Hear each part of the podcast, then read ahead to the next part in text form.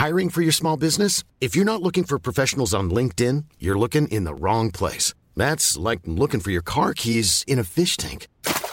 LinkedIn helps you hire professionals you can't find anywhere else, even those who aren't actively searching for a new job but might be open to the perfect role. In a given month, over 70% of LinkedIn users don't even visit other leading job sites. So start looking in the right place. With LinkedIn, you can hire professionals like a professional. Post your free job on linkedin.com slash people today.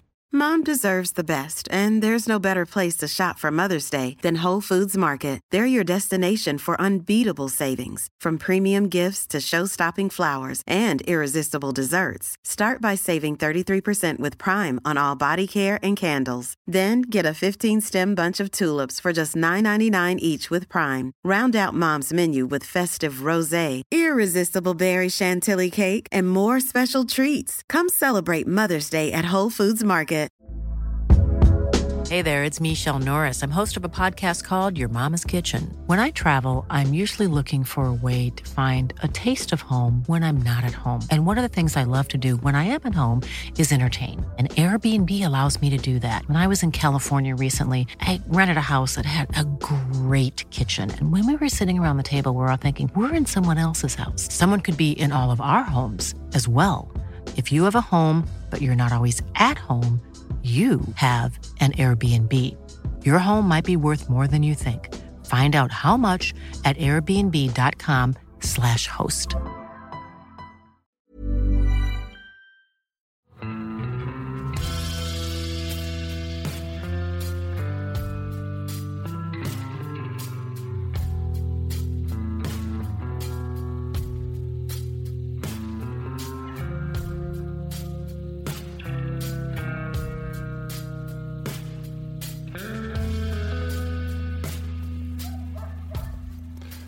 Hei og velkommen til podkasten Uteliv. Mitt navn er Randulf Valle, og i dag så står jeg på Jonsgård i Hedmark, ikke så langt fra Femunden. Og på lyden så kan man jo høre at eh, det er ikke bare mennesker her. Det er noen hunder òg, og det er ikke hvilken som helst hunder. Eh, Vi er på grønlandshundsamling, og dagens eh, tema er grønlandshund. Og med meg for å, eh, for å opplyse dere om eh, det temaet her, så har jeg Rita Lysholm. Og du har hatt grønlandshund i noen år. Ja, jeg har eh, absolutt det. Jeg har faktisk litt sånn 40-årsjubileum i år. Jeg kjøpte min første grønlandshund i 1979, og har holdt på med rasen siden. Ja, hvor mange grønlandshunder har du hatt totalt, vet du det? Det var et vanskelig spørsmål, og da må jeg begynne å telle. Men jeg har nok sikkert hatt rundt 40. Og i dag, hvor mange er det i kennelen? Akkurat eh, nå så er det sju i kennelen, og det kommer en liten ny valp eh, rett etter påske. Jepp. Mm. Hvorfor ble det grønlandshund som ble rasen din? Jeg er jo sånn hundejente, da. Som helt fra jeg var liten, når mine venninner gikk rundt i nabolaget og trilla små barn, så for jeg rundt i nabolaget og lånte hunder til naboene. Eh, Jeg passa pudler når jeg var sju år, og gikk videre og begynte etter hvert å passe forstere. Som jeg lufta etter ungdomsskolen og sånn. så Jeg var ferdig der. Og jeg tagg jo om hund. Først ønska jeg meg forster. Nei, først ønska jeg meg puddel. Så ønska jeg meg golden retriever, og så lurte jeg på forster. Og mine foreldre ville da ikke ha hund. Eh, Så var jeg så heldig at jeg oppdaga i Trondheim en hundeklubb som het eh, Brungmarken sledehundklubb. Som jeg meldte meg inn i i 1978. Og ble med på tur hos dem. Og på første turen jeg var og lå på hytte i en mørk, eh, sur vinterhelg og kom ut om morgenen og traff på grønlandshundene som har ligget utafor og sovet, sammenrulla i snøen. Og det første jeg ser, er ører som spisser seg, haler som logrer, og rister av seg snøen, og alle var klar for kos. Da kom jeg hjem etter den helga og sa til min kjære far at nå skal jeg ha grønlandshund. Og det var ikke på tale. Nei, for dere, hva slags bilde hadde han av den rasen? Du kan si det sånn at eh, etter mye masing eh, fra en eh, 16-åring, så fikk jeg da omsider lov til å kjøpe meg schæfer. OK, blei det det? Heldigvis så ble det aldri schæfer. Jeg kom så langt at jeg var så på et eh, schæferkull. med et valpekull, da, helt til en eh, kompis av meg som var med i samme sledehundklubben, og da hadde schæfer, som sa at eh, husk det, du er 16 år, du flytter snart hjemmefra, da kan du kjøpe deg hvilken hund du vil. Da ble det grønlandshund. Ja, Da er det en del entusiasme her. Jeg tror vi skal rusle litt, litt inn i den stille, stille skogen. Men hva er egentlig en grønlandshund? Hva er en grønlandshund? Grønlandshund er jo det jeg vil kalle en urhund. Det har eh, Avlen på grønlandshund har aldri handla om eh, norsk kennelklubb sine statutter. Det, har, eh, det er inuittene på Grønland sin eh, hunderase. Og der har det vært litt naturlig seleksjon. Det har ikke vært noe mye styrt avl. Og de hundene eh, er jo brukt på det samme viset de, ja, sånn ca. 1000 år, da. Ja, for innvandringa på Grønland, altså nå må du arrestere meg hvis, eh, hvis uh, mine folkevandringskunnskaper er feil, men altså folket kom vel til Grønland for omtrent 1000 år siden? Ja, det kom jo flere runder med bosetting på Grønland og flere forskjellige kulturer. Noen ble forholdsvis kort tid og forsvant igjen, men fra det vi vet, er at tulefolket man snakker om som kom på 1100-tallet, de eh, hadde med seg hunder. Og hadde eh, god kunnskap. De eh, var jegere, fangstmenn. De hadde hunder, hundesleder. Og, og fikk et, etablert, seg, etablert seg godt på Grønland. Og er den kulturen som er der fortsatt. Så man regner jo med at eh, den grønlandshunden som er der, den, den stammer fra det som kom inn der på 1100-tallet. Men eh, de folkene som kom til Grønland, de kom vel da over fra Canada og hadde jo egentlig kommet fra Sibir opprinnelig, vil jeg tro. Så Vandra først over Beringstredet og så videre gjennom Canada og så over til Grønland. Altså Betyr det at òg polarhunden liksom helt fra Russland og til eh, Grønland er i slekt? Det vil man jo Man mener jo absolutt det, at de polare raser er nært beslekta. Og når man ser på de polare egenskapene, så ser man at det, de har jo de samme fellestrekkene sånn for å overleve i, overleve i arktiske strøk. Mm. Men hvis vi ser på egenskapene til, til grønlandshunden, altså prøve å relatere det til omgivelsene. Altså, hvordan er en grønlandshund? Eh, altså, hva er det som er typisk for rasen?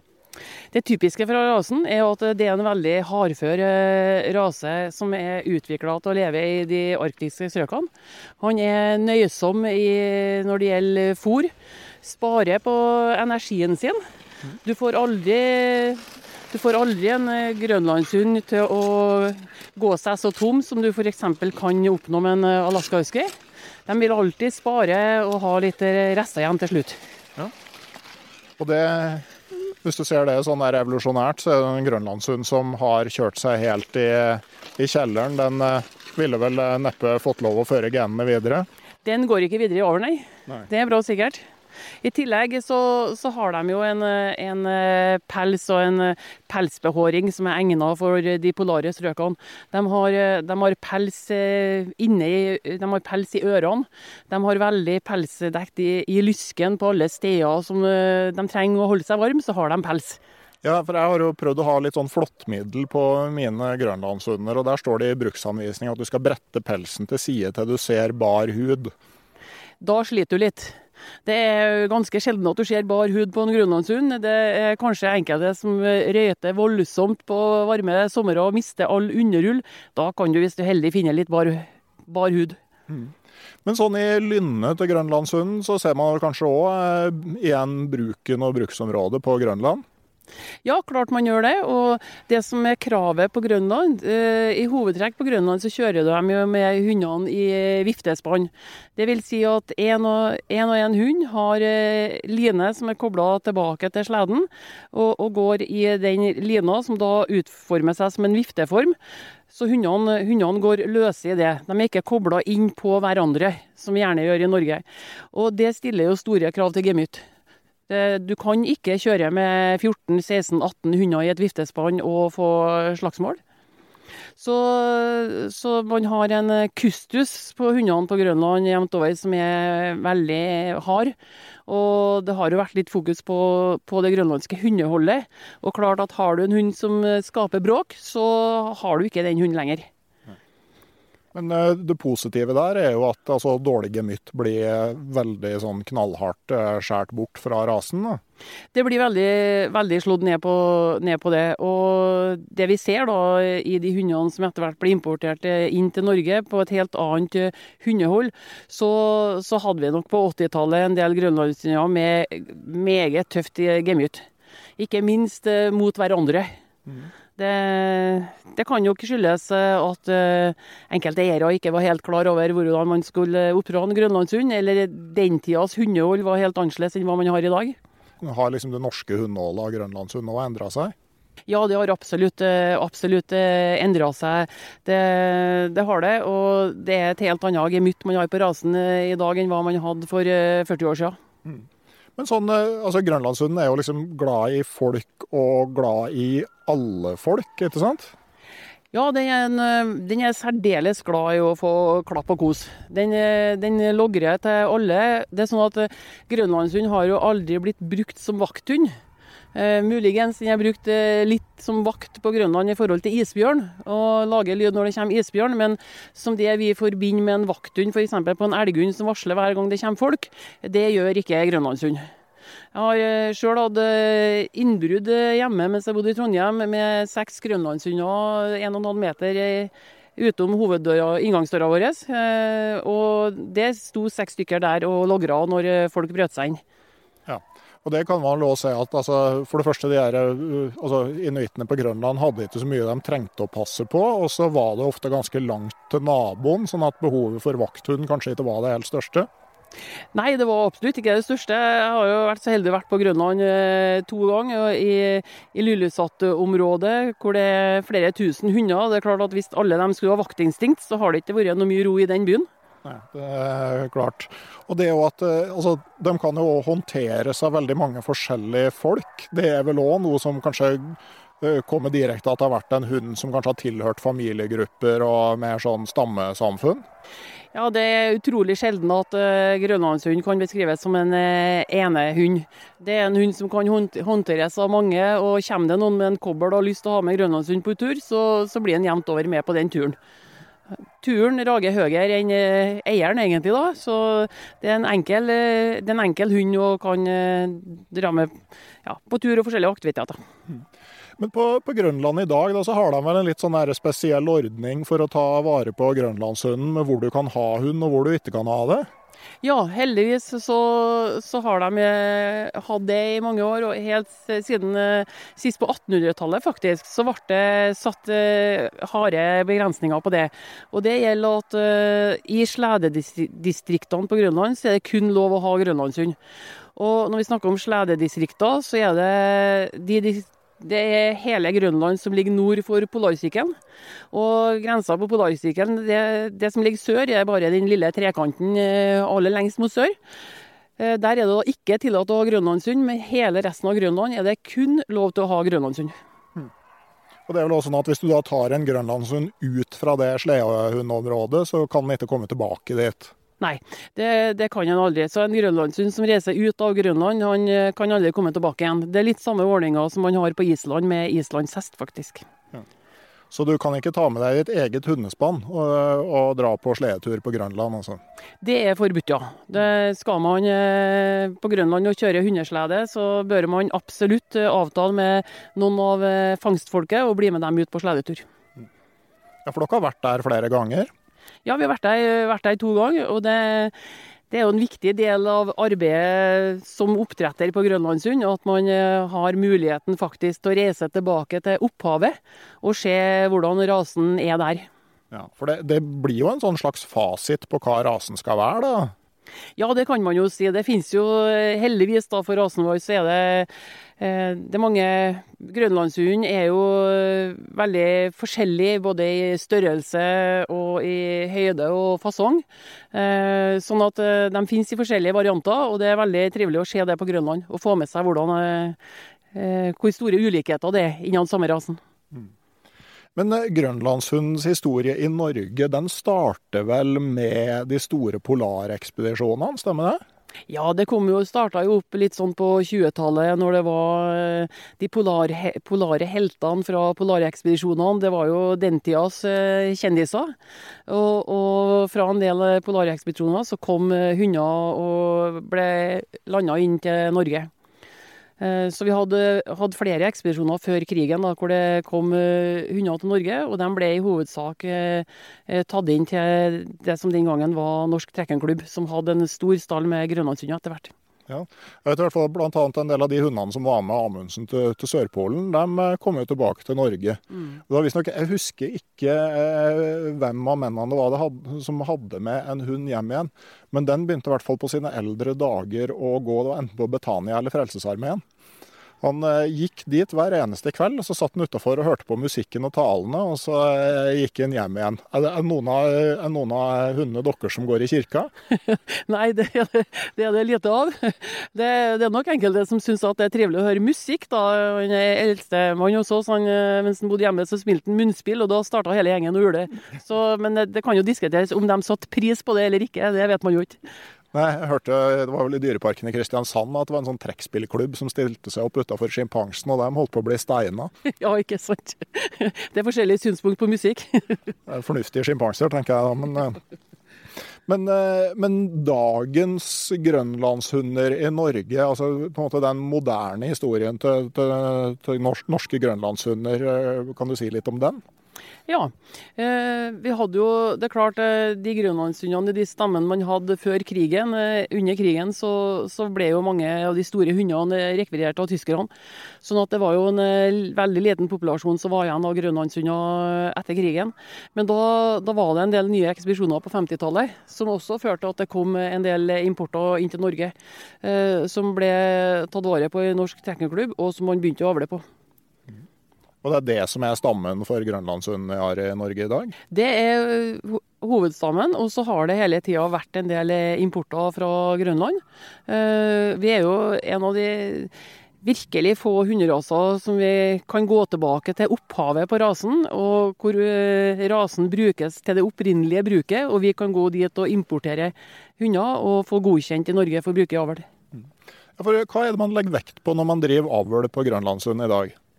Jeg bruker å si at det er tre hovedmomenter man legger vekt på, og det er gemytt, gemytt og gemytt. Gemytt på en hund det er noe han trenger hver dag. Hele tida så trenger han gemyttet. Eh, så legger man selvfølgelig vekt på at hunden skal, skal se rasetypisk ut, og at det skal være en brukshund. Mm. Han skal inneha de polare egenskapene. Ja, altså, Og hva legger du i, i, det, altså med de polare egenskapene? De polare egenskapene, det, det skal være en, en, hund som har en effektiv, god pels. Pelsen skal ikke bli for langåra. Vi ser dessverre det i dag at en del av de polare rasene går i en retning hvor de får mer pels som blir mer langåra, for det tar seg litt pent ut på utstilling. Eh, lang pels er ingen effektiv polarpels. Polare pelsen skal være kort og tett. Eh, det kan man bare se på andre polare arktiske dyr. De har eh, kort og tett pels som er effektiv. Eh, så legger vi stor vekt på, på gemyttet, og vi legger stor vekt på at dette er hunden for friluftsfolk. Dette er en hunderase som elsker å være i aktivitet. Den elsker å være med på tur, den elsker å trekke, den elsker å bære kløv. Det her er en super hund for friluftsfolk. Det er ingen hund som skal bo i en leilighet og få en liten luftetur i nabolaget to ganger om dag. Ja, for at, uh, dere, driver jo, dere driver jo avl på, på grønlandshund og selger grønlandshund. Altså, kan, du, kan, du, si noe om altså, Hvis noen tenker at hey, det her høres spennende ut og, og, tar kontakt og vil uh, kjøpe en valp, uh, hva er prosessen da? Er, når vi får blir kontakta av folk som er nysgjerrige på rasen, så, så, er prosessen sånn at da inviteres de i første omgang hjem til oss. Eh, både for at vi skal bli kjent med dem, men også for at de skal få lov til å se på grønlandshunder, hilse på grønlandshunder, og gjerne da få låne én til to hunder og gå seg en tur med dem. Eh, da har de mulighet til å, å, se litt hva er som bor i de hundene, hvor sterke er de? Eh, sånn, og vi snakker mye om hundeholdet og hva som trenger av aktivitet. Ja, for eh, altså, Hva vil det være som f.eks. gjør at dere velger å ikke selge en valp til folk? Hva er det som er liksom vanlige årsaker til det? Det vi opplever som vanlige årsaker, det, det, er rett og slett at hunden er for stor og kraftig til at de kan hanskes med den. At vi vurderer det. Og da er det glimrende å sende dem ut uh, til å gå seg en tur med en hund, og kjenne litt på kreftene. Eh, fordi at det er veldig greit å ha en sterk eh, grønlandshund når en skal trekke en pulk, men du har den hver dag. Mm. Sånn at du skal også håndtere denne hunden i det vanlige hverdagen din. Ja, for Jeg opplever jo sånn med, med å ha grønlandshund at liksom å, å, gå eller springe en tur med dem, eh, det hjelper på en måte egentlig ingenting. Altså Du må henge på en kløv, eller de må trekke et eller annet eller noe sånt for at de, eh, de skal bli skikkelig slitne. Ja, hvis du, hvis du, det er klart at en grønlandshund liker å, å springe den. Og, og, springer du hovedsakelig turer med en grønlandshund, så får du en veldig sprek grønlandshund. Men grønlandshund blir nok raskt mye sprekere enn eieren som skal springe i lag med denne grønlandshunden. Sånn at uh, man får vel sjelden en sliten grønlandshund, men man kan risikere å få en veldig sliten eier etter hvert. Ja, det, det, er i hvert fall min erfaring at uh, hvis du liksom ikke skal henge på dem noe vekt, så blir du utslitt og får vondt i knærne sjøl uh, lenge før uh, hunden har fått den mosjonen den trenger. Absolutt. hundene har nok en helt annen intensitet og utholdenhet enn vi som eiere, som oftest. Ja. Men hva er det folk bruker grønlandshunden til? da? Hva slags aktiviteter? Heldigvis da, så, så er det i, i Norge eh, har vi aktive eiere på, på grønlandshund. Og det er utrolig viktig å selge rasen til folk som egner seg til å ha noe. Da tenker jeg særlig dem som har et, et aktivt friluftsliv. Er mye ute, trives med å være ute. Trives med å være ute hele året. Sånn eh, på turer både sommer og vinter. Og man kan, har man én til to hunder, de er ypperlige til å trekke pulk. De kan ypperlig ypperlige til å gå med kløv. De elsker å, elsker å jobbe. Og samme har du flere, så, så har vi gjerne at vi kjører hundene med slede og har, har hundespann og drar på tur. Samtidig så er det veldig greit uh, å ta dem og ha kløver, med kløvbæring på sommeren. Ja, det kan jeg jo si at eh, En grønlandshund kan jo fort bære 12-15 kilo i, i, kløven. og det, det, er jo en voldsom hjelp når man er på tur. Ja, i hvert fall en godt trent eh, hannhund. Vi bruker jo å si at de kan bære en tredel av eh, vekta si. Så, så har du en eh, godt trent hannhund, så 10-12 kilo på den, det går eh, veldig greit. Det er gjerne sånn at er du på flerdagers og kløven begynner å bli tom, så begynner man å putte på litt, eh, litt sten eller finne opp noen ekstra vannflasker bare for å få litt vekt på hunden. Ja, sånn Min erfaring er at altså, det er ikke, normalt ikke vekta som stopper, det er at kløven blir full.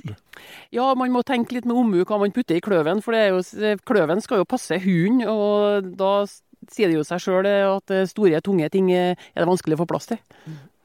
Men eh, er grønlandshunden en intelligent hund? Det var litt vanskelig spørsmål. Jeg kan vel ikke, etter å ha hatt rasen i så mange år, eh, si at eh, de går for å være veldig intelligent. Men det er veldig stor forskjell på individ til individ. Eh, jeg har opp gjennom årene hatt en del utrolig intelligente tisper som er veldig dyktige. Og jeg må vel si at jeg har hatt få intelligente hannhunder på det nivået. Hannhundene er gjerne litt enklere styrt av instinkter mer enn av, eh, av eh, slu tankegang? Ja, det tror jeg nok kanskje man kan si, ja. Men uh, mange, altså det er jo en stor og sterk hund. Altså, er det en farlig hund? Nei, jeg vil si at den absolutt ikke er en, en farlig hund. Det som er med grønlandshund, han er veldig tydelig i språket. Han har, eh, han har, eh, ører som eh, står opp, han har en veldig talende hale. og Han gir veldig sånn klare beskjeder, i motsetning til andre hunderaser vi har som i dag har hengende haler, hengende ører, pels foran øynene. Det er hunderaser som har et veldig utydelig språk, men der har grønlandshund et veldig tydelig språk. Mm. Sånn at det er lett å lese sinnsstemninga og forstå hva den eh, prøver å si? altså. Det er veldig lett å lese en grønlandshund. Mm. Helt klart. Men eh, sånn, eh, hvor mange er det som har grønlandshund, eller hvor mange grønlandshunder er det i Norge i dag? Vi regner med at vi sånn, sånn cirka i Norge har 500 individer. Og det er et lavt registreringsantall. Det svinger litt fra år til år. Eh, I fjor hadde vi 50 registrerte grønlandshunder, året før hadde vi 70. Så vet jeg heldigvis at det er en del kull på, på gang i år. Men eh, målet for oss som eh, jobber med avl på Grønlandshund, det her er aldri en hund som skal finnes på denne ti på topp-lista til Kennelklubben. Det er aldri et sunnhetstegn at en hunderase lander inn der. Det her er, det her er hunde, hunderasen for spesielt interesserte, og den skal forbli den ypperlige tur- og friluftslivhunden den hele tida har vært. Men sånn som i dag, så kjenner man jo til Alaska-huskyen. Altså, hva som er den som da stort sett går i alle de store hundeløpene. Hva er det som er forskjellen på en Alaska-husky og en grønlandshund? En... Øh ja, Nå skal jeg jo passe meg litt siden jeg ikke har alaskahusky, men en alaskahusky den er jo spesialavla for de lange løpene. Det er en uh, renavla løpshund og har en utholdenhet som er helt ekstrem. Så varierer det litt på om man satser på sprintkjøring eller langdistanse i forhold til pelskvalitet og gangsett og litt sånt. Så det er, løp, det er løpshund nummer én i Norge i dag, det er alaskahusky. Men sånn til, til, sånn til bruk og altså sånn, Hvis du vurderer en hund til tur, da, hva vil du merke som de store forskjellene på en alaskahuske og en grønlandshund? En alaskahusky er jo en langt mindre hund, da. Og jevnt over så har de annen, mye kortere pels. Og er mindre hardfør enn hva grønlandshund. Ja, for jeg tenker blant annet sånn, Du ser jo løpshundene går jo veld, stort sett med potesokker. Er det noe som dere bruker på, på grønlandshundene? Nei, vi bruker veldig, veldig sjelden potesokker. Grønlandshundene har veldig få poteproblem. da. Det som er for oss da, som bor på Røros og har snø mye om vinteren, så blir de litt langhårige eh, mellom potene. sånn at da klippes den pelsen, sånn at de er korthårige, og da er det mindre is som setter seg. Men eh, det er klart at de, de langdistansehundene vi har, de trenes eh, på et helt annet nivå enn hva vi gjør med våre grønlandshunder. Sånn at for å unngå slitasje på potene, så er det helt nødvendig å bruke potesokker på en del når du begynner å har atskillig 100 mil med trening i løpet av året. Ja, så det handler ikke bare om raseforskjeller mellom, mellom ulik bruk. Da. Det at man f.eks. det med potesokker, da, at man slipper å bruke det. Det handler òg om at det blir langt færre mil i løpet av en vinter? Ja, klart det handler om slitasje på potene. For det hender jo vi også på Hvis man er ute på skaresnø og risiko for å skjære sånn poter, så bør man jo ha med en potesokkel eller to med seg og kan sette på. Mm. Yep. Men du har jo som sagt hatt ganske mange hunder. Er det liksom noen du husker altså Er det en hund du savner mer enn sånn, en, en andre? Altså Et hundeliv er jo veldig kort. Er det noen som liksom sånn sitter i hjertet fortsatt? Det er jo alltid sånn når en har flere hunder, så han er veldig glad i alle hundene sine, men noen er nærere hjertet enn andre. Absolutt. Så det blir jo sånn Noen har man kunnet tenkt seg å klone, da og laga kopier av. Så Hva slags egenskaper er det som gjør da at, at man kunne ønske det? Da, jeg tenker en del på, på trekkegenskapene på det, men ikke minst så tenker jeg på egenskaper til å være en flokkhund. Vi har jo våre hunder løse i hundegården og ønsker å bygge en god og harmonisk flokk. Og enkelte Enkelte har vært ekstremt gode flokkhunder og har vært veldig, veldig viktige for oss i forhold til å ha en harmonisk flokk. Ja, for det, det, er jo litt spesielt det å ha hundene løse en hel, altså sånn gjerne opp mot ti hunder som dere har hatt. på det, Å ha dem løse sammen i en, en hundegård, det må jo være ja, stille visse krav. Men så utrolig fascinerende å se hvordan hundene oppfører seg som, som en flokk. De er jo flokkdyr. Å se litt rangen og se harmonien i en godt fungerende flokk, det er virkelig en viktig brikke i interessen min og hundeholdet mitt. Men så, Dere er jo oppdrettere, og de fleste tenker at når man er hundeoppdretter, så man jo, kan man jo velge alle de beste hundene fra hvert kull. Men så er det jo at hvis man har en viss samvittighet, så er det kanskje det som like ofte skjer, det at man, man ender opp med det man innser at uh, det her kan vi faktisk ikke selge til noen. Ja, det er jo et klart poeng. da. Man skulle jo i teorien tenke det at de aller beste hundene blir jo selvfølgelig igjen til oppdretter. Vi ser jo alltid det at innad i en kull, så fra valpene er en fire uker gammel, så, så, blir de jo noen personligheter.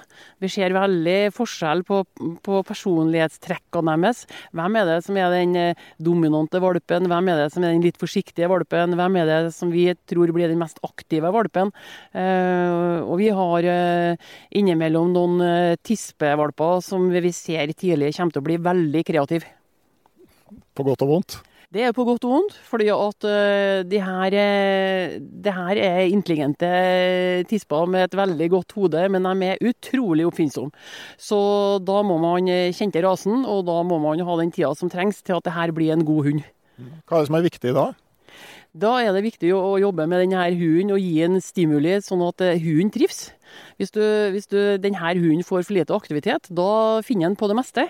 Eh, vi har jo opplevd folk som har gått fra en sånn hund inne alene i ti minutter, og det blir ikke alltid at det blir billig. Nei, og de er ofte veldig kvalitetsbevisste, har jeg hørt. At de liksom spiser de dyre tingene først. De tygger ikke på den slitte sofaen, nei. nei. Hadde en kompis som drev og trena eh, lavinehund og som hadde vært på kurs og lært at det å grave var en veldig positiv ting man fikk ros for. Så han, eh, da han, kompisen kom hjem fra jobb, så sto det en stolt hund og hadde gravd ut hele sofaen i løpet av dagen. Ja, nettopp. Det, og det tenker jeg at den sikkert syntes var utrolig artig. Ja, ja han forventa jo å få ros for det òg. For det, graving er bra. Men eh, hvis man eh, tenker at ja, ja, kanskje grønlandshund eh, hadde vært noe. Altså, hvordan går man fram for å være sikker på at man får en, eh, en eh, bra valp? Eller hvordan for å, først for å finne ut om det her er noe for deg, og så for å være sikker på at du får en bra valp? Det jeg vil anbefale, da, det er jo at man tar kontakt med, med Norsk Polariumklubb. Eh, de valpene som går via det systemet, de eh, følger jo eh, Norsk Kennelklubb sine etiske retningslinjer for avl og oppdrett. Det er jo blitt litt sånn i dag at man gjerne går på, på sidene til Finn eller på Facebook og leter etter hundevalp, og ser på det og velger ut ifra de søte bildene og kanskje ut ifra farven. Men det er alltid lurt å skaffe seg kunnskap og sette seg inn i hva denne rasen innebærer, før en begynner å bestemme seg. Men sånn avslutningsvis, eh, i dag da når man har drevet avl på grønlandshund eh, i, i, såpass mange år i Norge, altså er en eh, norsk grønlandshund og en grønlandsk grønlandshund veldig mye det samme fortsatt? Ja, det vil jeg absolutt si det var. Det Første gangen jeg var på Grønland i 2003, så var jeg veldig, veldig spent på hva vi kom til å få se. For da, da hadde vi jo hørt mange sånne sannheter, i parentes hvordan grønlandshundene var på Grønland kontra i Norge. Eh, vi så mange likhetstrekk og var veldig fornøyd med hvordan eh, rasen ser ut i Norge i dag. Det var faktisk litt mer sånn på på 80-tallet hadde vi en del år hvor eh, grønlandshundene skulle være størst mulig. Det var Den beste trekkhunden det var alltid den største trekkhunden. Det er en sånn eh, inngrodd feil på en del som ikke drar med hund. Og klart at en grønlandshund eh, som veier over 50 kg, det er ingen god trekkhund. Han blir altfor tung og vil på vinterstid ha mer enn nok med seg sjøl. Men da ble det, ble det avla en del på de her store, dominante hannene. Jeg hadde sjøl en, en hannhund da som veide 54 kg. Mens den største jeg har i dag, som, som folk syns ser stor ut, han veier 40 så vi har heldigvis fått ned størrelsen på et nivå som er mye mer likt det de har på Grønland. Jepp. Da tror jeg at vi avslutter der og sier tusen takk til deg, Rita, for at du ville være med og fortelle om Grønlandshund. Også Polarhundklubben finnes vel på nett? Det gjør den. Polarium.no. Ja, så der kan man finne mer info. Da skal jeg bare avslutningsvis eh, si at eh, podkasten Uteliv har et samarbeid med Camp Villmark, villmarksmessa på Norges varemesse, som går av stabelen fra 26. til 28. april. Der kommer jeg til å være til stede på et forfattertorg, hvor du kan møte både meg og flere andre som skriver bøker, og det er da mulighet å få handle bøker òg. Før det, og til neste gang, så sier vi bare tusen takk for oss. Vi skal vel ut og kjøre litt eh, med hund. Eh, dere får ta en tur med eller uten firbeint følgesvenn. Takk for oss.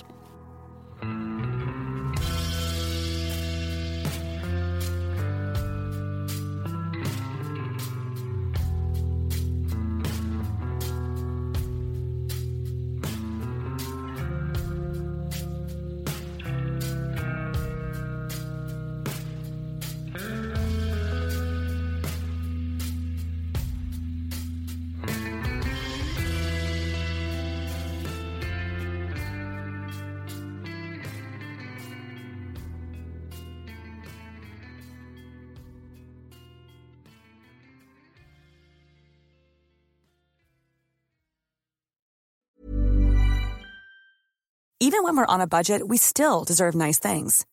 Quince is a place to scoop up stunning high-end goods for 50 to 80% less than similar brands. They have buttery soft cashmere sweaters starting at $50, luxurious Italian leather bags, and so much more. Plus, Quince only works with factories that use safe, ethical, and responsible manufacturing. Get the high-end goods you'll love without the high price tag with Quince. Go to quince.com slash style for free shipping and 365-day returns. Mom deserves the best, and there's no better place to shop for Mother's Day than Whole Foods Market. They're your destination for unbeatable savings, from premium gifts to show-stopping flowers and irresistible desserts. Start by saving 33% with Prime on all body care and candles. Then get a 15-stem bunch of tulips for just $9.99 each with Prime. Round out Mom's menu with festive rosé, irresistible berry chantilly cake, and more special treats. Come celebrate Mother's Day at Whole Foods Market. Hei, jeg heter Nore Helligsen og er daglig leder i Barents Outdoor.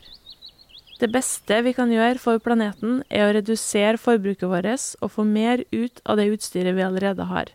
Men vi vet av erfaring at bruken av telt kan endre seg over tid. Det teltet du kjøpte for to år siden, passer kanskje ikke det behovet du har i dag. Derfor har vi i Barents etablert en egen panteordning der vi tar imot brukte telt av god kvalitet i innbytte når du kjøper et nytt av oss. Prosessen er enkel. På barentsoutdoor.no gir du oss informasjon om teltet du vil bytte inn. Basert på det får du et tilbud fra oss som gir deg rabatt på ditt neste Barents-produkt.